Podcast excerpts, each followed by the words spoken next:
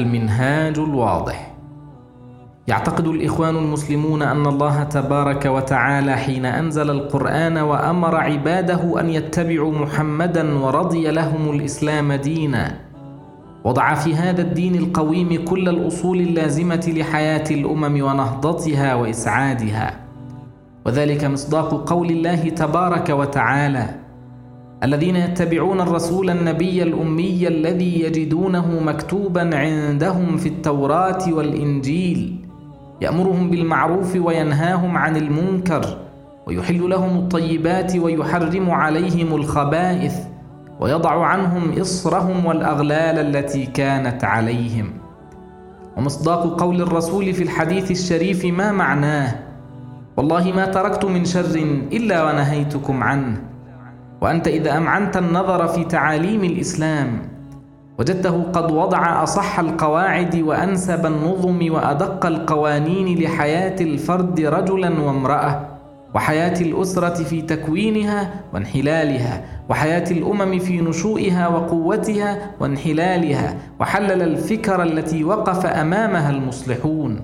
فالعالمية والقومية والاشتراكية والرأسمالية والبلشفية والحرب وتوزيع الثروة والصلة بين المنتج والمستهلك وما يمت بصلة قريبة أو بعيدة إلى هذه البحوث التي تشغل بال ساسة الأمم وفلاسفة الاجتماع.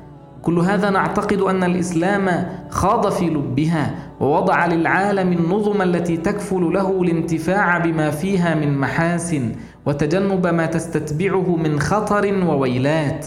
وليس ذلك مقام تفصيل في هذا المقال. فإنما نقول ما نعتقد ونبين للناس ما ندعوهم إليه ولنا بعد ذلك جولات نفصل فيها ما نقول. لا بد من أن نتبع. وإذا كان الإخوان المسلمون يعتقدون ذلك فهم يطالبون الناس بأن يعملوا على أن تكون قواعد الإسلام الأصول التي تبنى عليها نهضة الشرق الحديث في كل شأن من شؤون الحياة. ويعتقدون أن كل مظهر من مظاهر النهضة يتنافى مع قواعد الإسلام ويصطدم بأحكام القرآن فهو تجربة فاسدة فاشلة. ستخرج منها الأمم بتضحيات كبيرة في غير فائدة. فخير للأمم التي تريد النهوض أن تسلك إليه أخسر الطرق باتباعها أحكام الإسلام.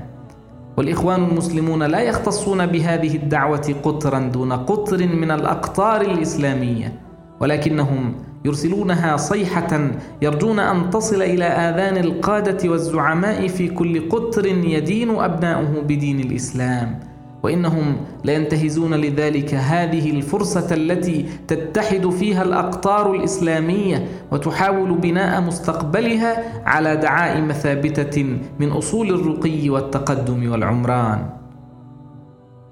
احذروا الانحراف. وإن أكبر ما يخشاه الإخوان المسلمون أن تندفع الشعوب الشرقية الإسلامية في تيار التقليد. فترقع نهضاتها بتلك النظم البالية التي انتقضت على نفسها وأثبتت التجربة فسادها وعدم صلاحيتها. إن لكل أمة من أمم الإسلام دستورا عاما فيجب أن تستمد مواد دستورها العام من أحكام القرآن الكريم. وإن الأمم التي تقول في أول مادة من مواد دستورها إن دينها الرسمي الإسلام يجب أن تضع بقية المواد على أساس هذه القاعدة. وكل مادة لا يصيغها الإسلام ولا تجيزها احكامه يجب أن تحذف منه حتى لا يظهر التناقض في القانون الأساسي للدولة. اصلحوا القانون. وإن لكل أمة قانونا يتحاكم إليه أبناؤها. وهذا القانون يجب أن يكون مستمدا من أحكام الشريعة الإسلامية. ماخوذا عن القرآن الكريم متفقا مع أصول الفقه الإسلامي والشريعة الإسلامية. وفيما وضعه المشرعون المسلمون ما يسد الثغرة ويفي بالحاجة ويؤدي إلى أفضل النتائج وأبرك الثمرات. وإن في حدود الله لو نفذت لزاجرا يردع المجرم وإن اعتاد الإجرام. ويكف العادي وإن تأصل في نفسه العدوان. ويريح الحكومات من عناء التجارب الفاشلة. والتجربة تثبت ذلك وتؤيده وأصول التشريع الحديث تنادي به وتدعمه والله تبارك وتعالى يفرضه ويوجبه ومن لم يحكم بما أنزل الله فأولئك هم الكافرون.